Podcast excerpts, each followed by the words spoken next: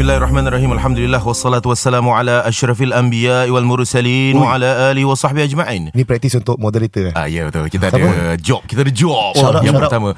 Syah, terima kasih kami ucapkan kepada ahli jawatankuasa Masjid Qasim. Masya Allah. Eh, Banyak-banyak tak pergi masjid. masjid Kasim Eh, itu tempat Masjid saya selalu solat tu depan ada jual karipap kan sana. Ah, betul, mungkin betul, mungkin betul. Ya, betul lah. alhamdulillah ada betul lah. kita dapat uh, Dapat apa job, tu eh? dapat job lah ataupun dapat invitation invitation untuk uh, menjadi moderator Dah fikir masak-masak Dah fikir Kita bertiga masak-masak ke kita bertiga dan uh, kita ada ahli panel kita Ahli panel kita Eh, siapa? uh, Dah fikir masak-masak ke apa salah Masjid ni dah dah dia dah fikir. Dah lah, Nanti last minute Apa Kena atas Orang board of director. Diorang dah seminggu fikir. Ana tak tahu ni Ni asal tak bilang Ana. Ha, Ni an, Hantar Ana Macam mana ni? Paling-paling pun kita shout out Kita poke kalau diorang tak jadi ha, Ini kita sebut dululah In case Ah, sampai ya. kat Masjid Kasim ya, ha, Tapi terima kasih lah ha, Ada last minute Boleh cancel Masih boleh back out Ya, ha. ya, ya. Tapi Alhamdulillah Ahli panel ah, dia siapa, ahli panel? ah, Ahli panel dia yang berbahagia Ustaz Nuzhan Ah, sendiri Masya Allah. Dengan Ustazah Ka- ah, Kalthum Oi. Ustazah Oi. Kalthum pun join sekali lah Jadi kalau last minute orang macam uh, minta maaf kan sebenarnya orang atas uh, tak berapa Aha. setuju lah. Ya. uh, moderator moderatornya. Ustaz Aha. boleh teruskan. Jadi saya macam macam mana? Nak teruskan? Ustaz Oh, teruskan saya- Ustaz. Ustaz dah Kalau Ustaz teruskan panel. Mesti tak ramai datang. Tak ada Ya, Ah, jadi kita saya akan- akan cakap Ah, uh, Adalah, sorry, sorry, Saya sorry. akan cakap tidak lah. ah, Jadi forum Anda kata kata tidak. Mana boleh Ustaz? Pasal sama-sama apa janji. Tak boleh Ustaz. Ni masih ilmu Ustaz ada amanah Tapi Ah, pun ni ya, amanah. mana Perjanjian dia kan begini dengan moderator seperti ini Hmm. dan sebagainya Apalah. kan. Ya. Apalah Ni bukan rezeki kita Ustaz Ah, Ini lebih Ustaz rezeki teruskan je. Tak apa. Ustaz. Kira belum, apa dah Dah, dah speculate eh. Kalau saya ada ARS, saya dah teruskan Ustaz. Betul. Saya tak kisah dengan yang kedua orang. Saya tak saya tak minta payment pun Ustaz Ini ikhlas Tapi Masjid Kasim blood Masjid Kasim blood Oh, blood eh? Ah, memang blood blood Ya Alhamdulillah. Masa tu lainnya aku datang tak ada. Lain Ustaz. Tak ada. Jadi yalah ah, 24 Jun nanti lah Ah, itu nantilah nanti kita Ui, kita tengok lah. macam mana lah. Ah, dia punya topik berat tau. Apa topik dia? Topik berat uh, uh, tentang demokrasi uh, leceh eh kalau Eh, demokrasi leceh, leceh. leceh Dah lah. Uh, ilmu dalam kekeluargaan lah. Oh, kalau itu kita ilmu dalam kekeluargaan. Macam mana So- nak memupuk ilmu Hmm. dalam keluarga. Ilmu agama dan juga ilmu duniawi. Ini free ke ticketed? Eh, free lah. Free. Ni Jadi semua agama. kita kasih- kita kasih Kau penuh nak Masjid Kasim. tiket je. Kita kasi penuh Semenjak Masjid dua Kasim. menjak ni Ah, Siti kita sudah lah. Ini Tahu lah baru habis explain Tak adalah Ah? Itu lain. Ah, eh. Ini semua dunia eh. Jadi ini kita buat untuk akhirat insyaAllah. Alhamdulillah insyaAllah. Ini juga kita buat untuk akhirat iaitu ibadah kurban Ya, bersama dengan NGU dua negara saja kita fokus Hmm. kepada dua negara. Ya. Uh, last year kita buat di Bangladesh yang tadi Hmm. termahal Ya, betul. 210 dolar Ya, pada seekor tahun tapi tahun ni kita nak lebih ramai orang Ya. turut serta memberiakan lagi ibadah kurban di Bangladesh last year oi memang meriah betul Alhamdulillah. lebih 400 ekor telah pun disembelih Tapi uh, kesan kambing-kambing. tak cukup biasa eh. Nampak tak cukup Ada yang pulang dengan Oh. hampa Sebab mereka beratur Tak dapat uh, daging kambing Ya. Jadi tahun ni kita kurangkan Dengan harga 200 dolar seekor Hmm. uh, Boleh lihatlah Bagaimana keadaan Kemeriahan kurban diadakan di sana Ramai sebenarnya memerlukan Ya. Dan uh, kalau lebih ramai insyaAllah Dan sejauh ini kita telah pun mengumpul Berapa? 17 ekor je Ah, oh nak nak kena tanya ni Ya, lah, lebih kurang punya- baru berapa ekor lebih kurang sahaja. Baru 30 ikut lebih eh, berapa lah. 30 lebih. Kurang Ah. lah 17 ekor gitu lah Macam Oh. baru saja Ya, tapi yang ditempah. bagusnya kita pada tahun ini dan tahun yang lalu kita sendiri menghantar wakil kita. Hmm, Ah bukan hanya semata-mata oh kita akan buat. Betul Tapi wakil kita di sana dan ambil gambar dan memastikan segalanya berjalan dengan baik. Hmm. Dan kalau kita ikuti pada tahun yang lalu, Hmm. pagi raya je bila kita masih raya kat sini kan. Ya, kita ya. tengok gambar-gambar orang dah hantar beratur panjang Ui. sampai polis semua turun. Itu Betul. yang itu yang Polis itu yang saya jaga. terkesan Ustaz. Ya, Hmm. itu perkara yang So uh, update sikit lah Dia punya Tumbuhan 16 kambing ekor, eh? 19 19, 19 ekor Alhamdulillah Alhamdulillah. Tak apa kalau 20 ekor sekalipun Kurban Ya. kita lakukan juga. Ya, tapi polis Ah. tak turun kalau 20 ekor. Apa? Polis tak turun mungkin kalau 20 ekor. Yalah Kita kalau nak polis turun. Ya Oh, biar maknanya kecoh apa? lah Mana Ah. ramai oh. Pasal that time kan yang tahun lepas ramai sampai dia orang tak cukup sampai panjat pagar semua bro. Ya. Oh, ya. Ah sampai polis ramai turun orang-orang Bangladesh tu. Aku macam really affected lah actually. Ya, Baik, baik. yang Ramai. saya pun kemarin pergi ke Indonesia melihat Ya. uh, pergi kepada teman-teman dekat sana kan. Jadi Hmm, bila hmm. kita cakap okey baru berapa ekor mereka pun rasa uh, mereka doakan mereka tak apa ni semua rezeki. Kalau memang Allah takdirkan Hmm. orang-orang itu mahu melaksanakan ibadah Ya. korban Hmm. maka ada rezeki buat mereka dan ada rezeki buut kita. Bismillah saja kita doa. Indonesia kurban pun yang termurah kita pernah lakukan dalam sejarah NGU. Hmm. Hmm. Kalau ingat kembali yang paling murah 177 dolar ini Betul. di Kenya. Satu ketika dahulu kita lakukan. Tapi tahun ni 170 dolar seekor Ya saya di Indonesia eh. Ya. Uh, dan sejauh ini berapa ekor? 63 63, Ah, 63 sahaja. Alhamdulillah. Hmm. Kalau nak ramaikan lagi silakan antara yang termurah termurah Ya, lah saya lihat. Jadi yang nak lakukan ibadah korban bersama kami hanya perlu menelusuri laman www.ngo.sg garis miring kurban. Hmm. Baik Dan uh, InsyaAllah kita akan uh, Ini dah on to the show On to the eh? show, aku Silakan akan- Ustaz cakap. Now it's on to the show. Ya.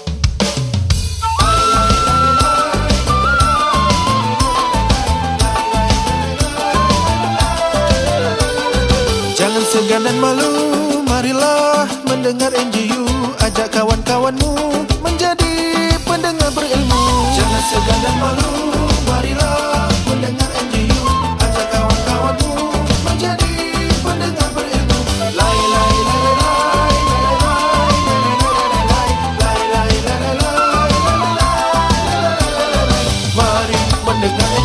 Selamat kembali dan uh, bagi mereka yang belum mendengar saya memberikan salam Assalamualaikum warahmatullahi wabarakatuh. Waalaikumsalam warahmatullahi wabarakatuh. Selamat kembali ke NJU Non Judgmental Ummah. Uh, bagi mereka yang sedang mendengar ribuan terima kasih.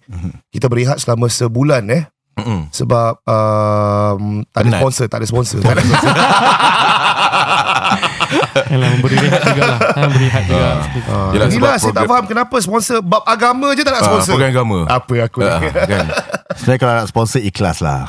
Eh bayar lah Apa ikhlas Tak maksud aku nak sponsor ikhlas. Jangan fikir nak kena buat duit je. Sponsor yang masuk ni kalau tak ada buat duit tak apa. Tapi as- asalkan dapat menyebarkan agama Islam Ustaz. Ya, betul-betul. Oh, Ha, ya, jadi kalau nak bayar kita mahal ke berapa mahal sekalipun Tapi niat nak sebarkan agama Islam Jangan fikir keuntungan Habis Oh. pricing tak ikhlas tak, tak ada. Ah. Pricing kira set. set ah, standard. Pricing kita pun actually rugi sebenarnya Tapi kita tak fikir keuntungan Ya, Tapi pricing pun uh, mikrofon kena bayar tempat kan dan sebagainya Ya, ya, ya. lah. Baik, Yang memedai Mahal ni eh. Ya.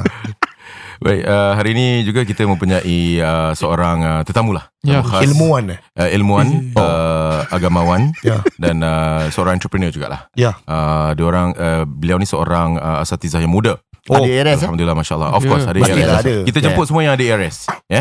Kalau Ya. tak ada ARS Kita letak dekat podcast lain. Ah, Ah, Tak ada sebab- ARS Kita dah Syamugam dah knock on the door Tak ada lah. Dan Alhamdulillah luar biasa. Uh, Beliau ni memang uh, Okay uh, Kakaknya uh, Merupakan juga seorang Ustazah Yang kita pernah Bekerjasama lah. Kenapa Oh. anda tahu pasal kakak dia? Uh, Sebab dia kan Muslimah NJU Muslimah Oh, dulu. Oh, Ustazah Nurul. Aizah. Oh. Ah, Jadi okey. kita panggil adik dia pula uh, Ah. Iaitu yang berbahagia Ustaz uh, Tamlikha Oh. Tamlika macam mana sebut eh? Tamlika ke Tamlikha? Kalau Tablikha, kakak dia eh? pernah sebut Oh ya ya, ya. ah, ah, Apa ni Awak peminat awak Dekat bawah Dia cakap dengan saya Saya rasa terharu Oh ya ya Ah. Apabila Ustazah Izam mengatakan ah, Razi peminat awak kat bawah tau Dia tengah tunggu nak ambil ah, saya ni Allah. Oh siapa siapa Siapa Ustazah Ah, Tamlikha dia cakap. Oh, dia sebenarnya sebut nak sebut pasal khawk ke Ya. pasal peminat ni sebenarnya? Ah, tak Dua-dua sebut lah. pasal ah, Tamlikha saja Tamlikha. Saya rasa kalau nak, nak minat orang Lebih baik minat lain daripada Razi lah Ustaz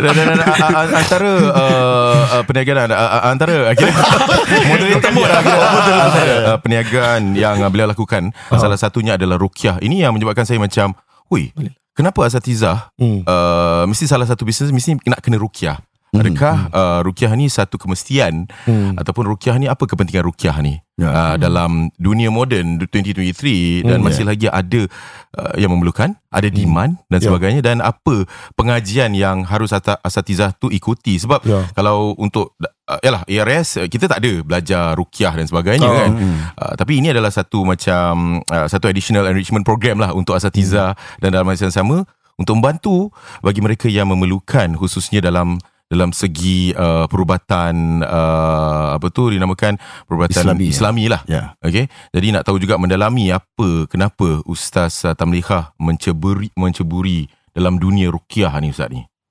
Okey, Alhamdulillah. Terima kasih Hmm. NJU kerana sudi mengundang. ah. InsyaAllah. Uh, pertama sekali kalau jujur lah. Jujur eh, kita berbual open dulu eh. Okay Uh, Jujurnya, sejujurnya bila buat ruqyah ni memang pertama sekali memang nak mencari rezeki lah. Uh, ni kita honest dulu. Rukyah ke sebutannya macam mana sebenarnya? Ar-ruqyah. Ruqyah. Rukyah. Okey okey. Baik. Alhamdulillah. Memang nak mencari rezeki dan keduanya memang uh, ada beberapa di antara ahli keluarga saya tu memang pernah uh, Hmm. diuji oleh Allah Subhanahu Wa Taala dalam bab-bab gangguan ni lah. Oh Oh. Dan kita pernah uh, panggil beberapa tukang rawat. Ha. Takkan disebutkan namanya. Ya ya uh, dan pernah pernah ditipu, Hmm. Pernah buat rawatan-rawatan yang khurafat dan sebagainya. Adakah mereka syirik? Adakah mereka syirik Ustaz? Tak berani ada cakap. Eh? Apa ataupun mungkin tanda-tanda yang apa Red red flag flag lah lah. bila anda Oh, melihat okey. cara rawatan mereka tu. Ah. Adakah Ah. dengan limau Ustaz? Tak ada. Mereka menggigil-gigil dengan keris ke Ataupun dia pakai- macam mana Ni ni saya tak tahu cerita secara total eh tapi Ha. yang saya tahu uh, di antaranya dimintakan pakaian dalam. Ish Uh, so tapi cerita namanya tu pakaian lah. dalam diletakkan dalam nanti dia, dia ambil macam satu bag atau ataupun satu kain. Ada Ya. yang ambil uh, bantal punya apa? Cover. Cover. Ah, sarung bantal tu diambilkan letak dan sebagainya. Hmm. Dan Oh. kemudian ada juga yang uh, sahabat andai, kawan rapat Hmm. uh, diminta dibaga, dimandikan separuh bogil dan sebagainya. Ah, So Yang dia punya klien dia perempuan uh, uh, perempuan tapi yang tukang mandi. rawatnya lelaki lah. Ah. Uh, so dah kita dah dengar beberapa kali dan hmm. pernah juga keluarga saya tu memang kita pernah diuji Hmm. dalam beberapa instances kita Uji nyali ya Ustaz Hmm. itu itu cari syaitan. Sorry, Ustaz. maksudnya Ustaz you have to bear with us. Eh. Sorry, sorry. Ah, Sorry, Ustaz Ustaz. Ustaz dah biasa dah. Ah. Perangai kita. Ya. Hari-hari setiap minggu uji nyali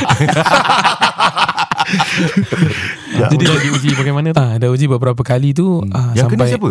Uh, adik-beradik lah Salah seorang adik-beradik Ah. anggota keluarga to be honest pertama kakak saya time tu kakak saya di Mesir lah Ui Allah. ah, tu cerita lah tapi tak kita tak buka cerita lah Ustaz Time tu eh. Din Rahim ada dekat Mesir tak takut Dia yang saya rasa you dah habis lah Oh, dah habis, ah, dah habis. dah ya. habis. Sebab ditolak Ditolak Apa tu ditolak Tak ada ada. oh. kakak sahabat baik ah, Hmm. dan beberapa kali lah so memang jujur kalau ruqyah ni saya rasa semua orang boleh buat Ustaz Nuzahan saya rasa pasti Ustaz Nuzahan tahu pun Ui. apa yang nak dibacakan Okay Cuma benda ni siapa nak teruskan eh, sebagai profesi ataupun tidak lah. I believe ramai tak choose this as a profession. Uh, maaf, uh, Ya. kalau masa yang keluarga kena tu dihantar barang ke atau ada orang hantar ke orang dengki ke macam mana? Ke Jenglot lah Ah. Kalau kakak saya kena, dah, dah sebut kakak eh. ah. Kau diam lah Zah Nanti lah Kau terkasih punchline Aku akan ketawa banyak kali tau Sorry sorry sorry Jenglot dan terus Terus lah. Sabar-sabar lah Nama-nama hantu Nanti sabar-sabar cakap lah Kalau uh, kakak saya di Mesir lah dia kena, uh, kemudian itu diberikan barangan. Uh, Okay Daripada seseorang lah. Ya Allah. Uh, so to cut it short, orang tu pun orang Singapura juga. Eh, Orang okay. baik-baik gitu pun kena. Okay. Masya-Allah. Dah Uh, kemudian lah. kalau uh, sahabat-sahabat, wallahu alam tapi gangguannya jelas maksudnya. Contoh di antaranya kalau di rumah tu Hmm. nanti dia nampak ada benda yang akan merangkak di bawah meja pada setiap Oh. maghrib. Uish. Maksud benda ni mungkin bagi orang tidak melaluinya dia rasa okey. Hmm. Uh, tapi bagi orang yang melalui uh, perkara tersebut akan Kacau uh, rasa tak sedap lah kat rumah. Hmm. Huh. I see Maksud um, Saya pernah uh, Memanggil seorang perawat eh. uh, Kemudiannya bila dia masuk Dia datang dengan satu botol spray Habis dia masuk macam Ha ni kena bikin ni Ni kena bikin ni. Dan dia spray-spray atas kepala saya. Dia spray-spray. Ha, Sebab maaf Sana, sana ada, lem, ada lembaga Lembaga. Habis ah sana pun ada lembaga.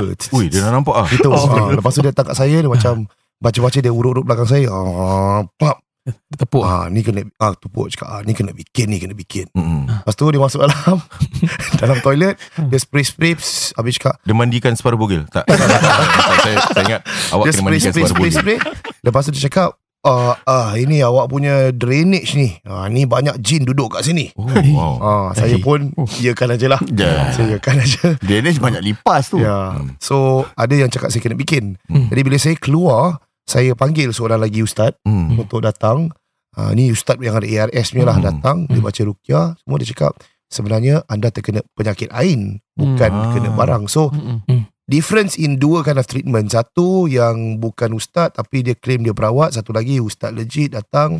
Dia cakap kalau betul kena sihir kena buat. Bila dia baca certain surah akan ada pergerakan ada akan ada su- akan Reaksi, ada macam you know, reaction lah. Tapi surah-surah tu tidak dibaca oleh perawat. Dia Hmm. dibaca oleh ustaz. Right. So adakah kalau seorang tu membaca dengan betul satu indikasi yang dia legit ustaz? Hmm. Um, bagi pandangan saya Ustaz Nuzhan eh, Hmm. kalau contohlah kalau orang tu bukan ustaz ataupun ustaz tapi kalau cara rawatannya benar maka okey. Hmm. Ah. Tapi kita nak tahu apa yang benar apa yang tidak sebab sebagai orang umum uh, orang awam lah kita Ya. kan tahu mandi tu actually legit ataupun tidak legit Mm-mm. sebab Okay. kita tak tahu apa apa yang benar apa yang tidak. Kalau menurut para ulama ruqyah yang benar tu pastinya kena ada al-Quran dan doa-doa yang Rasulullah sarankan. Ah. Dan juga kalau tajribah uh, eksperimen eh. Kalau eksperimentasi ni kadang-kadang dia macam pelik tapi selagi dia tidak melanggar syariat dia di, dianggap sebagai benda yang boleh dilakukan. Hmm. Contoh uh, penggunaan herba-herba. Hmm. Ah. Cik, kalau tapi ni lebih popular di Indonesia. Hmm. Ah, di Singapura kita tak berapa mahir sangat. Ada yang mungkin ada orang tahu, ada yang tidak. Hmm. Ya. Uh, herba-herba saya tak ingat nama daun-daun daunan yang digunakan. Daun bidara. Bidara common lah kita so- tahu. it's ah, common lah, kita tahu. Ada Jintan. Jintan cengkeh Tak ada eh Ada di Oh, ada, antaranya. eh? Tapi dia ada Oh, macam-macam lah. ha. Ah. Aku Ah. belajar juga dulu Dia gunakan tu Hmm. benda tu memang mungkin pada zaman Rasulullah SAW tak pernah ada. Hmm. Tapi boleh dilakukan selagi dia tidak melanggar syariat. Asyik. Hmm. Ah. Ustaz, ada yang mengatakan kadam daripada Indonesia yang paling kuat. Adakah benar dan Ustaz pernah fight dengan kadam Indonesia tak Ustaz? Ah, ya, ya. Khadam eh, Ustaz. Hmm. Kerana ia, ia berlaku kepada Zah sebenarnya. Ya, so uh, saya panggil Serius? perawat Ah, ah, serius. uh, maaf lah saya mungkin semoga Tuhan maafkan saya lah. Oh. Saya tak panggil ustaz masa tu. Oh. Mate saya suruh kena bikin. So, apa yang berlaku adalah uh, mate saya ni waktu tu dia pulang ke kampung Okey. untuk holiday. Bila dia pulang ke kampung, dia dilamar oleh tujuh keluarga. Semua dia reject. Hmm. Dia nak ber- continue bertugas di Singapore. Hmm. Habis bila dia kembali pulang, uh, mata dia semakin kabur, dia semakin kurus dan uh, lepas tu uh, dihantar, kita hantar ke seorang perawat lah yang mana mengatakan ada uh, unsur-unsur kena gangguan. Jadi bila dia kembali ke dalam rumah, dia dah mula meracau Hmm. dan dia mula menangis dan ketawa. Dah kira dah seram gila, ada eksorsis lah. Hmm. Dan kita panggil uh, perawat daripada luar untuk datang. Daripada hmm. Singapura datang. Lepas tu dia campak garam lah apa. Dia baca-baca lah. Dah, dah melalak lah wanita tu. Hmm. Habis lepas tu bila dia campak garam. Kasar ke dia campak pepper lah. Ground pepper. Black pepper. Black pepper. Uh, si uh, mate saya ni dah macam ketawakan perawat ni. Dia cakap, kamu ada belajar sunang tak? Kamu ada belajar sunang tak? Mana kamu tak menggunakan daun bidara? Ha? Tak tahu, tak baca hadis, tak gunakan daun bidara. Ui, so, challenge. saya dah muka blow lah Ustaz Muka dia dah blow Terus dia turn around Dia cakap ah, Ini kadam daripada Indonesia ni Kuat ni Hmm. ha, Jadi cakap Kalau saya kalau nak kalahkan Boleh Tapi saya rasa baik kita Lepaskan balik dia lah Sebab awak ada anak-anak kecil lah Hmm. So saya so dia tanyalah macam apa Hmm. urusan dia dengan keluarga dan uh, benda tu mengatakan dia hanya nak perempuan ni balik ke kampung sebab dia nak uh, dilamar dan dia reject lamaran dia. Hmm. So bila kita saya pun dah give up lah saya pun cakap ah okey lah pergi balik lah kita akan hantar, dia balik lah. Terus dia rebah Hmm. dan kemudiannya kita hantar dia balik. So dalam fikiran saya ada ramai yang mengatakan kalau barang daripada dia ada negara tau. Dia cakap barang daripada Thailand Hmm. kuat. Barang Hmm. daripada Indonesia kuat gila. Ha, barang daripada Singapura kira boleh fight lah antara perawat. Betul tak Hmm. betul ni Ustaz? Dia tengok bola, ranking. kekuatan bola. Kalau bola, Ha, macam mana ni? Uh, yang lebih interesting uh, sebelum saya jawab soalan tu. Ya. Uh, tadi uh, Jin tu kata uh, tak ikut sunnah. Hmm. Ha. Itu bagi saya macam a big blow lah. Ya kan? Oh, Kalau Jin apa? dah boleh bahasakan kita something's not right lah. Ya. I see. Something is not right mana apa? Maksudnya cara kalau Perawatan kita. Jin tu macam nak sekolahkan kita lah. Dia Ya, ya, cakap ya. yang kau buat ni tak sunnah lah. Ya, ya, Ah, ya, itu satu. ya. Uh, keduanya soalan yang berbalik pada Zar tadi. Ah. Uh, jin mana lebih kuat? Wallahu alam. Tu Okay. depends. Di Hmm. antara sahir. Orang yang mengawal jin tersebut. Dan sebenarnya pada fakta yang sebenarnya. Jin mengawal sahir tersebut. Hmm. Ah, cuma ditipukan Sahir siapa? uh, Orang tukang sihir. Orang saya. Ah, orang Oh, sihir. jin yang mengawal eh? Dia bukan dia ada way around eh? Dia rasa macam dia kawal jin. Tapi I see. mustahil. Selalunya jin yang mengawal mereka. Oh, Dari sudut tapi- apa tu? Psikologi ke apa? Uh, penipuan lah, dusta. Dia, dia rasa macam tu, jin tunduk pada dia. hmm. Tapi dia suruh buat contohnya dia kata, okay, kita bikin Zah. Hmm. Kita hantar kat Zah. So dia rasa macam dia kawal jin tu. hmm. Padahal uh, di kelakuan dia tu, kelakuan syiriknya tu, Hmm. jin tu dah menang dia dah sebenarnya. Untuk Ah. melakukan perkara yang batil. Oh. So that is always the inference lah. Maaf, dalam dunia jin ni Ustaz, apa fungsi mereka bila mereka lakukan benda ni? Adakah mereka ingin menyesatkan manusia? Sebab saya tahu kalau syaitan tu dia nak kita tak nak pergi ke syurga. Dia nak menyesatkan kita untuk masuk ke neraka bersama dia. Mhm. Kalau jin tu apa fungsi dia dalam melakukan hal seperti bersekongkol dengan uh, tukang sihir dan seumpamanya? Apa matlamat orang ni? Okay. Good Kalau, question actually. Ah. Yeah. This is a strong one eh. yeah. Okay, kalau sebenarnya kita tahulah uh, manusia dan jin ini diciptakan oleh Allah SWT untuk tidak tidak lain dan tidak bukan untuk beribadah kepada Allah Hmm. SWT. Dan kalau kita tahu syaitan istilah syaitan tu kita panggil uh, uh, orang kata ustaz apa um, Satu yang dia karakter syaitani Hmm. uh, jahat sebenarnya. Dan Hmm. jin ni ada yang Islam dan ada yang kafir. Okay. Hmm. Dan yang kafir dia melakukan kerusakan, tipu dusta dan sebagainya, Hmm. itu dianggap sebagai syaitan. Uh, jadi kalau jin-jin yang ada jin juga yang mempelajari ilmu Al-Quran. Oh ada Ah. ke? Kalau kita pernah dengar cerita-cerita orang soleh, dia pernah hadir di majlis-majlis ilmu. Hmm. Dan yang Oh. nampak tu contoh orang-orang soleh tu kadang nampak di belakang anak muridnya telinganya panjang dan sebagainya. Oh man. Ah, Hmm. Tapi ni saya tak pernah nampak ah. Hmm. Kalau saya ajak kelas saya tak pernah nampak. ah. Ini Kalau- dekat Masjid Anu ada orang pernah nampak Ustaz? Hmm. Ah, so benda-benda gitu hadir Ya. di masjid dan sebagainya. Hmm. Ah, dan ada juga jin-jin pengacau dan ada yang lebih teruk kalau kita belajar dalam kitab diterangkan jin tu sendiri tukang sihir. Eh. Means dia tak pakai orang. Hmm. Dia sendiri tukang sihir. Ui. Ah, dan contoh kalau kita pernah dengar dalam hadis-hadis sahih ada juga jin yang bernama Ifrit. Ah, yang-. Gangguan dia cuma ganggu para nabi, para anbiya dan aulia Allah. Dia tak Hmm. ganggu macam kita-kita. Oh. See. So memang ada tugasannya memang mengganggu. dalam Al-Quran menerangkan memang ada syaitan-syaitan ni memang tugasannya mengganggu. Contoh, uh, syaitan namanya Khanzab. Hmm. Uh, kita tahu dalam hadis sahih disebutkan Khanzab ni dia memang hadir bagi bila kita nak solat, maka dia akan standby. Hmm. Bila kita azan dia lari, kemudian datang balik iqamah dia lari, bila Hmm. saat kita solat dia hadir balik. Hmm. Contoh di antara gangguan Khanzab tu, bila kita solat, bila contoh ya kita terfikir, eh aku dah angkat kain belum eh tadi eh? Hmm. Hmm. Saat kita fikir benda lain dalam solat, di antaranya lah para Hmm. ulama mengatakan Khanzab dah start. I see. Oh. Ha, dia dah buat job dia. Hmm. Ha, dia ada macam ada beberapa lagi nama syaitan yang diterangkan lah. Hmm. Hmm. Yang apa ni kena cari yang sources yang sahih lah untuk Hmm. kita tahu. Jadi from there kita dah tahu memang dia ada tugasan yang untuk mengacau dan sebagainya. Hmm. Saya jadi saya nak tanya kalau jin ni ada yang baik, ada yang uh, matlamatnya untuk menyesatkan seumpamanya adakah mereka seperti manusia yang mana kita ada sistem perhakiman untuk menghukum mereka-mereka yang jahat dalam satu mahkamah? Adakah dalam dunia jin ni mereka ada macam polis jin Hmm. yang Raman mana kira oh, tapi jin. Raman, tapi kau manusia Aku akan strike kau Dengan Ah, 100 ya, ya. Sebatan ke apa Ah. Macam mana ni dunia Adakah mereka The Wild West uh, They are Uncultured Tidak mempunyai satu sistem Untuk Orang kata tu A civilized system Hmm. How do they run this world Uh, pertama sekali yang Hmm. kita kena tahu uh, alam ghaib tu hanyalah ilmu Allah SWT. So Hmm. kalau kita tahu cerita-cerita uh, hadis yang Rasulullah terangkan sekadar itu. More Hmm. than that, contoh lah, kalau macam saya tiba-tiba boleh cakap jin boleh buat ni, jin boleh buat tu. hmm. Okay, pada contoh eh, west side punya jin, dia akan buat benda ni. maksud- kalau saya dah Ya. terlalu uh, specific and detailed, Hmm. uh, wallahu alam, apa yang saya cakap tu boleh diragukan. Ah, Ah, kalau gitu betul lah salah. Dulu ada satu pak cik tu yang saya kenal. Hmm. Tak mau cakap nama lah. Hmm. Um, mungkin dah arwah lah agaknya. Khanzab. Dah arwah. Ah, setan eh. Dia cakap dia boleh page Jin boleh page dia Hmm. Pakai pager Hmm. Serius, bagi ah, ah, ya, ya. Ya Jadi Ber- ada, cara dia dia ada kom- macam ber- dapat menguasai ilmu teknologi. Ya, ya. Mereka ibarat satu an orb of energy yang boleh uh, influence uh, electronics dan Hmm. seumpamanya. Hmm. Uh, contohnya gangguan dari sudut telefon, Oh. gangguan dari sudut pager, like an Hmm. electrical interference of sorts. Hmm. Begitu juga kalau kita lihat tak tahulah sama ada is too far off sebab kadang ada kalanya kita rekod dalam konti radio dulu Right. pun ada gangguan juga. Hmm. Adakah mereka ni berbentuk zat yang ada energi mereka sendiri atau macam mana ni Ustaz?